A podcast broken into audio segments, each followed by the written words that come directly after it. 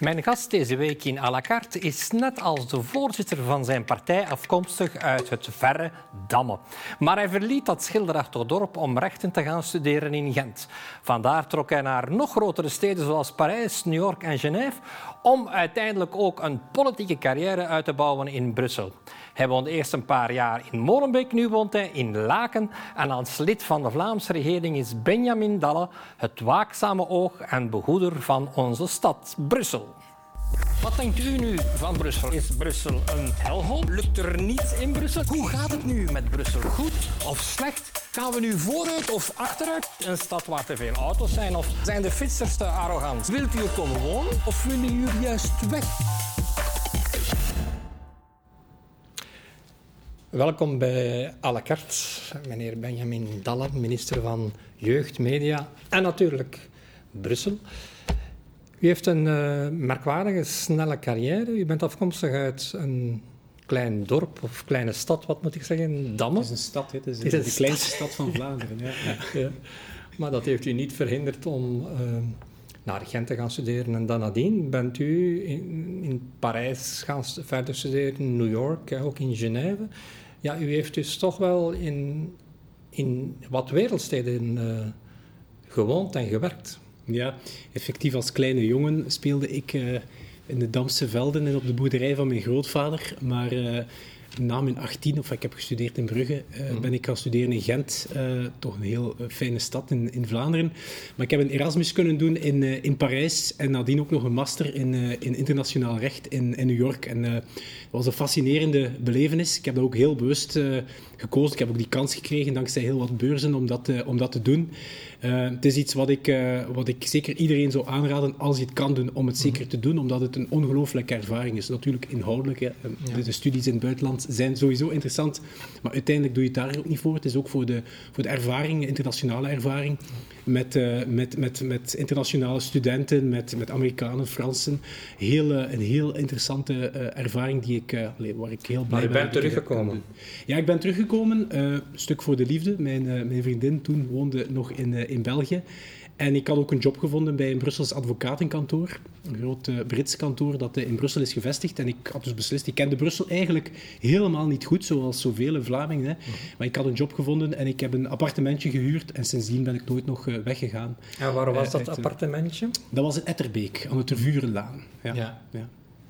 Maar waarom u heeft dan bewust voor Brussel gekozen of was dat gelinkt aan die job die u... Oorspronkelijk was dat gelinkt aan die job. Ik had een, uh, een job bij een advocatenkantoor waar je heel hard moet werken en ik had echt geen zin om te pendelen uit, uh, uit Gent, laat staan uit Brugge of Damme. Mhm. En ik had dus ook heel wat vrienden die hier al waren komen studeren en ik dacht, ja, ik zal dat proberen. Mhm. Ik ben hier begonnen en ik vond het hier zo fijn dat ik nooit nog ben weggegaan. Maar wat je vaak ziet is dat jonge mensen die in Brussel komen wonen, er na een tijd weggaan. Dat heeft dan vaak te maken met, met familie, met kinderen. Dat, dat heeft u niet gedaan. Nee, en dat is inderdaad de grootste uitdaging in Brussel. Hè. Eh, voor uh, ja, een jong koppel, zeker als je dan kinderen krijgt, om een woning te vinden, een appartement of een huis waar je waar je terecht kan en dat betaalbaar is. En wij hebben het geluk gehad om dat te, te kunnen doen en uh, ook heel bewust gekozen om dat te doen. We wilden dat doen, maar we hebben ook de chance gehad, als ik het zo mag zeggen, dat we, dat we, dat hebben, dat we daarin geslaagd zijn. Want voor, voor velen is dat natuurlijk moeilijk. Uh, ook, ook gewoon financieel. Hè. De prijzen in uh, Brussel zijn niet evident. Hè. Dus ik ben heel blij dat ik ben kunnen blijven met heel het gezin. En u heeft tien jaar in Molenbeek gewoond. Mm. Molenbeek dat op dat moment niet de beste reputatie had. Het werd het hellhol genoemd. Hoe heeft u dat beleefd? Wij zijn in 2008 in uh, Molenbeek komen wonen, uh, in de Maritieme Wijk. Het is ook altijd in die Maritieme Wijk dat ik heb gewoond. Nu woon ik in Laken, maar eigenlijk nauwelijks verder, dus nog in de buurt. Ik vind dat een heel fijne buurt. Het is vlakbij het centrum uiteindelijk. De prijzen zijn er nog iets betaalbaarder dan in de rest van, dan in het centrum bijvoorbeeld. En het is een, er zijn natuurlijk grote uitdagingen die we kennen rond, rond werkloosheid, rond netheid, rond, ook rond veiligheid. Maar het is eigenlijk een heel aangename buurt om te wonen. Dus ik heb er eigenlijk altijd graag gewoond. Wat, wat denkt u dat, dat Brussel aantrekkelijker zou kunnen maken voor jonge mensen? Want Brussel heeft niet de beste reputatie bij veel Vlamingen. Wat zou daar kunnen aan veranderen? Wel, je merkt in onderzoek uh, dat er over gebeurd is waarom mensen verhuizen van Brussel naar Vlaanderen, naar de rand. Dat het meestal gaat over uh, thema's als mobiliteit, hè, de files, buiten COVID dan, want vandaag mm -hmm. is het minder probleem. Parkeren, uh, netheid, veiligheid ook, ook meer groen in de stad. Dat zijn eigenlijk de thema's waarom mensen verhuizen ook wonen. Hè. Een goede woning vinden is, is, is zo belangrijk. Waar veel minder klachten over zijn, is, is het Nederlandstalig aanbod in Brussel. Hè. Ik heb uh, zelf drie zonen. We hebben een fantastisch uh, crèche gehad toen ze nog klein waren. Ze gaan naar een schitterende Nederlandstalige school. Ook de cultuurinstellingen worden, uh, worden terecht geroemd. Um, dat zijn eigenlijk no bijna nooit de reden waarom mensen vertrekken. Het gaat meestal over die andere thema's, waar inderdaad de, de uitdagingen in, in Brussel zeer, zeer groot zijn nog altijd. Mm -hmm. U bent uh, zeer snel actief geworden als een, als een mag ik u een grondwetspecialist noemen? Of ik ben dat geweest, ja. u was actief betrokken bij de, bij de staatshervorming. Mm. Dan vraag ik mij soms af, als u dat nu bekijkt, die zesde staatshervorming, daar komt toch wel heel veel kritiek op, zeker in coronaperiode. Vraagt iedereen zich af waarom hebben wij negen ministers van uh, gezondheid nodig en komt er meer kritiek op die ingewikkelde structuur. Ja, u bent daar eigenlijk een beetje verantwoordelijk voor, ook voor die structuur. Ja, ik heb la lang rond de staatshervorming gewerkt. Eerst aan de universiteit. Toen ik nog advocaat was, was ik ook verbonden aan, aan de KU Leuven. En nadien op verschillende kabinetten. Uh, ik was uiteindelijk kabinetje van Servé Verhestraten, die -hmm. verantwoordelijk was voor de uitvoering van de zesde staatshervorming. Je werkt natuurlijk binnen het kader van een, een politiek akkoord dat tot stand is gekomen met acht politieke partijen. Wij hebben dat getracht om dat zo goed mogelijk uit te voeren. En daar zijn grote verbeteringen gebeurd. Dat mag ik ook wel gezegd eh, worden. Bijvoorbeeld op het vlak van fiscale autonomie. Bijvoorbeeld op het vlak van, van tewerkstellingsbeleid. Veel betere bevoegdheidsverdeling sindsdien. Maar bijvoorbeeld inderdaad rond gezondheidszorg was het al een vrij complexe regeling voordien en is het eigenlijk alleen nog maar complexer geworden. Men heeft mm -hmm. belangrijke bevoegdheden overgedragen naar de gemeenschappen en naar de GGC, deels ook in Brussel. Maar, uh, maar die, uh, ja, het is vandaag helemaal niet eenvoudig, integendeel. Dus het moet zeker eenvoudiger. Ja. ja, als u nu zou vrij kunnen nadenken, fantaseren over een betere versie van de staatsinrichting van dit land, uh, wat zou je dan eerst aanpakken? Ik denk dat we eerst aan de gezondheidszorg moeten werken. Effectief, de, de coronapandemie heeft aangetoond dat het uh, heel complex werken is. Je merkt dat ook in de praktijk. Hè. Een, ziekenhuis als het uh, universitaire ziekenhuis van, van Jette, dat, dat ligt onder uh, voor belangrijke bevoegdheden. Uh, het organiekader bijvoorbeeld, ook alles wat de, nomenclatuur betreft, namelijk de terugbetaling van artsen en verpleegkundigen, valt dat onder federale richtlijnen. Daarentegen voor een aantal kwaliteitsaspecten bijvoorbeeld zitten ze dan weer onder gemeenschapsbevoegdheid. Dat is complex. Ik denk dat we daar, dat we daar um, veel, veel initiatieven zullen moeten nemen. Wat onze partij betreft, vooral richting meer bevoegdheden voor, voor de gemeenschappen. Omdat die uh, heel wat expertise hebben uh, in zaken gezondheidszorg, ook rond preventieve gezondheidszorg. We mag niet vergeten dat sinds, uh, sinds de jaren 80 dat dat ook bij Vlaanderen en de Franse gemeenschap ligt. Dat daar een hele dynamiek is ontstaan, ook een, sterk, een echte versterking van dat beleid. En wij, wij wensen ook de gemeenschappen daar rond te, te versterken. Ja, maar hoe kan je dat veranderen? Hoe kan je van negen ministers die bevoegd zijn voor gezondheid, hoe kan je dat terugbrengen tot een redelijk aantal? Bijvoorbeeld. Één. De, ja, één is simpel. Hè. Dat is alles terug naar, uh, naar België of alles toevertrouwen is aan, dat geen aan Vlaanderen. Optie? Ik denk dat dat helemaal geen optie is, omdat je merkt dat de, de keuzes die gemaakt zijn uh, tussen uh, de Franse gemeenschap, ze noemen dat nu de Fédération Wallonie-Bruxelles, en, en, de Vlaamse gemeenschap, dat die heel verschillend zijn. In Vlaanderen bijvoorbeeld zetten we veel sterker in op preventieve gezondheidszorg, ook rond andere zorgdomeinen. Denk aan personen met een handicap, denk ook de zorg voor het jonge kind. Pakken we het helemaal anders aan dan in Franstalig België. En ook de bevolking is natuurlijk uh, niet altijd het, hetzelfde. Dus we mm-hmm. moeten die dynamiek die ontstaan is, die, po die een positieve dynamiek is, moeten we versterken en, en teruggaan naar alles samen. Belgisch is geen oplossing. Daarentegen de problematiek van de acht of negen ministers, dat heeft nog een andere oorzaak. Dat is vooral te wijten aan de, de complexe regeling die langs Franstalige uh, kant bestaat, waar uh, het in Vlaanderen vrij eenvoudig is. Hè. De Vlaamse gemeenschap, het Vlaams gewest, die kent één parlement en één regering. Langs, Fran langs Franstalige kant hebben ze de Franse gemeenschap, hè, de Fédération Wallonie-Bruxelles. Ze hebben het Waalse gewest, de Duitsstalige gemeenschap die daar ook is.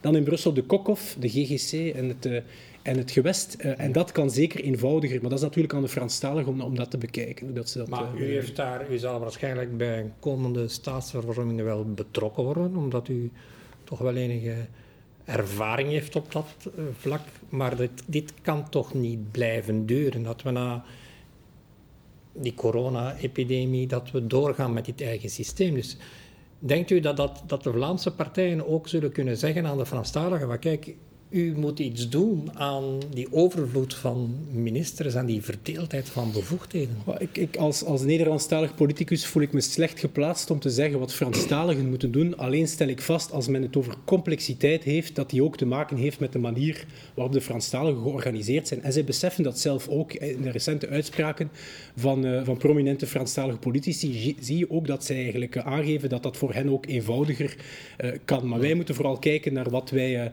langs onze kant kunnen doen. Ik stel daar vast dat er vandaag vrij grote verdeeldheid is tussen de Vlaamse partijen. Eind jaren 90 bijvoorbeeld was dat helemaal anders. Hè. De voorbereiding van de vijfde en de zesde staatshervorming, daar was eigenlijk vrij veel consensus tussen Vlaamse partijen om meer eh, bevoegdheden toe te kennen aan de gemeenschappen en de gewesten. En om ook vooral vanuit de Vlaamse gemeenschap te blijven investeren in het Brussels hoofdstedelijk gewest. Ik stel vandaag jammer genoeg vast dat verschillende uh, Vlaamse partijen dat standpunt niet meer genegen zijn. Wat ik heel erg betreur, uh, niet alleen uh, als Vlaamse minister bevoegd voor Brussel, want dat is ook mijn rol om de Vlaamse investeringen in Brussel sterk te houden, maar ook vanuit mijn overtuiging, namelijk dat Brussel natuurlijk een sterk gewest op zich is, bestuurd door en voor Brusselaars, maar dat Brussel ook niet kan zonder de beide taalgemeenschappen die hier enorm investeren. Hè. Ik heb recent nog Samen met de VGC hebben wij een, een, rapport dat we elke jaar opstellen met de cijfers rond investeringen van Vlaanderen in Brussel. Wij geven meer dan een miljard euro uit aan onderwijs, aan, uh, aan kinderopvang, aan cultuurinstellingen. In, in het, in, natuurlijk in het voordeel van alle Brusselaars. En uh, dat laten wegvallen, dat lijkt mij een zeer, een zeer ja, slechte Dat is uh, de laatste tijd een beetje in discussie gekomen door het voorstel van Magnet, het idee van Magnet, dat overgenomen is door anderen om dit land op te delen in vier, eigenlijk, in vier um, regio's. En daarbij is dan de vraag welke rol spelen de gemeenschappen dan nog? Er zijn er die zeggen, ja, Brussel moet een région à part entière zijn, uh, waar er ook onderwijs moet georganiseerd kunnen worden door het gewest. In Brussel ontstaat er iets als een Brusselse identiteit. En sommige Brusselaars zeggen: laten we dat zelf in handen nemen, laten we zelf een meertalig onderwijs organiseren.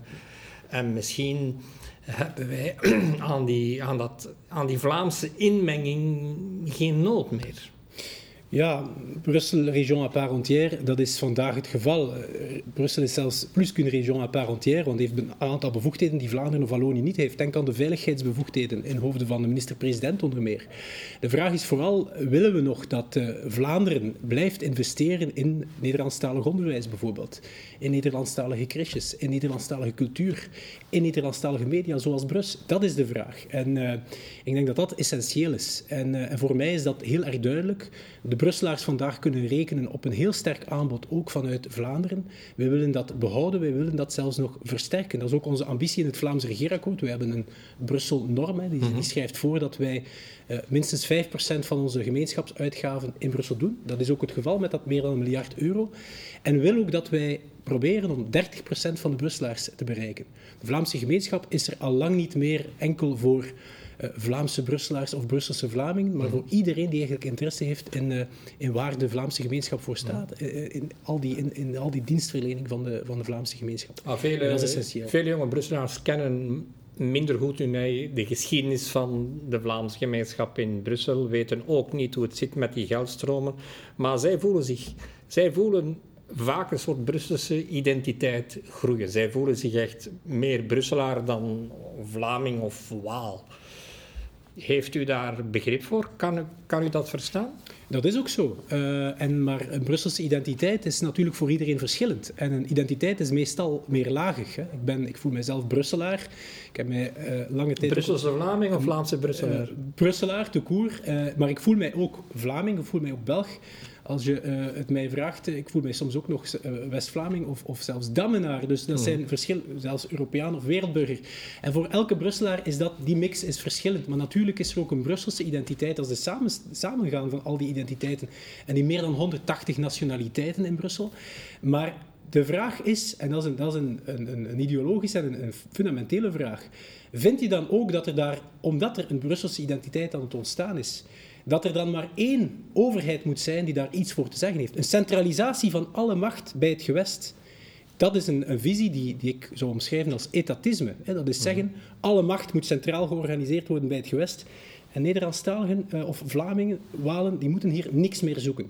Ik denk dat die benadering de nadelen zou zijn van, van de Brusselaars. Het is net een groot voordeel dat je hier uh, voorzieningen hebt van Brussels of Stedelijk Gewest in een aantal aangelegenheden, maar dat het ook de beide gemeenschappen hier blijven investeren. Dat is natuurlijk ook een financiële kwestie. Hè. Dat meer dan een miljard zal natuurlijk niet geïnvesteerd worden in Brussel als je de Vlaamse gemeenschap hier, uh, hier weghaalt. Mhm. Maar het gaat ook over kwaliteit. Hè. Vandaag wordt, worden Vlaamse scholen in Brussel nog altijd geroemd omdat ze kwaliteit aanbieden, omdat ze ervoor zorgen dat meertalige leerlingen afstuderen, ook vaak anderstalige mensen die al wat Frans kennen van thuis misschien nog een andere taal, en dan goed Nederlands leren in die Nederlandstalige scholen. De kwaliteit is sterk. Gelooft men één moment dat de kwaliteit zal verbeteren door die bevoegdheid toe te kennen aan het gewest? Dat geloof ik eerlijk gezegd niet. Maar hoe kunnen we die, eh, de kwaliteit van het Franstalige onderwijs beter maken? Dan denkt men denkt minister Gats denkt aan een tweetalig, drietalig onderwijs. Uh, om ervoor te zorgen dat misschien dat Franstalig onderwijs in een Brusselse context dan kan profiteren van die, van die Vlaamse know-how. Is dat geen piste? Ik ben natuurlijk een grote fan van meertaligheid. Het feit dat hier honderden talen gesproken worden, is een, eh, is een groot uh, troef, echt hm. kapitaal voor, van, Brussel, van de Brusselaars. Uh, maar de vraag is wat prioritair is. Daar zou ik zeggen, first things first eerste wat er moet komen is de kennis van het Nederlands en het Frans versterken. Als je ziet dat bij de 18-jarigen die afstuderen in het Franstalig onderwijs amper 7,8% zelf zegt het Nederlands te spreken, dan weet je dat daar een heel groot probleem is. Hè? 92% die eigenlijk zegt ik spreek geen Nederlands op het einde van het Franstalig onderwijs. Is dat op korte termijn geen probleem voor het Nederlands in Brussel? Dat is denk ik een, eh, een groot probleem. De oplossing die wij voorop stellen in het, eh, in het Vlaams regeerakkoord en ook de VGC en, en, bijvoorbeeld ook Stad Brussel zegt dat dat een goed idee is, is de uitwisseling van taalleerkrachten. Waarom gaan we in Nederlandstalige scholen het Frans laten aanleren door, door Vlamingen uit Vlaanderen vaak? En omgekeerd, waarom Nederlands aanbieden in Franstalige scholen door Franstalige leraars die niet altijd uitstekend het Nederlands machtig zijn? Die uitwisseling van native speakers is daar een, een, een belangrijke, belangrijke oplossing die we voorop stellen. gebeuren aan de gelijkschakeling van de lonen, wat niet evident is. Is daar, zou daar dan weer Vlaams geld moeten komen om die lonen bij te passen? Ik, ik ben ervan overtuigd dat de essentie niet is uh, de verloning, dat de essentie is een wil om samen te werken. Vaak mhm. zijn er scholen, Nederlandstalig, Franstalig, naast elkaar, soms zelfs met dezelfde naam, hè, maar in, in, een Nederlandse en mhm. Franse versie, waar directies kunnen samenwerken. En we moeten die projecten opzetten. Mhm. En dan zal het grote probleem niet zijn dat de leraars in het Nederlandstalig onderwijs iets meer verdienen dan in het Franstalig onderwijs. Daar zijn wel oplossingen voor. Als er een wil is, dan zal dat lukken. En we gaan dat ook deze legislatuur doen. Een laatste vraag. Ja, u heeft in New York gewoond, u heeft in Parijs gewoond. Dat zijn grote steden met een heel andere structuur dan Brussel. Als u nu zou een stille wens kunnen doen die volgens u als realpoliticus haalbaar is op middelkorte termijn, welke structuur wenst u Brussel dan toe? Ja, ik, ik wens uh, uh, Brussel enerzijds eenheid van commando en anderzijds politiek dicht bij de mensen. In uh, New York bijvoorbeeld, je hebt daar uh, ongeveer 8,5 miljoen inwoners, maar vijf boroughs, uh, vijf buurten die, die aanwezig zijn, maar een geïntegreerde stedelijke politiek. Met de NYPD, de politie in New York, die, die voor die bijna 10 miljoen inwoners verantwoordelijk is. Ik zou zeggen, we moeten meer doen, gecoördineerd op gewestelijk vlak. Bijvoorbeeld ook met een, een politiedienst die echt geïntegreerd is op gewestelijk vlak. En tegelijk moeten we zorgen dat de, dat de politie, maar dat ook de politiek aanspreekbaar is in alle wijken.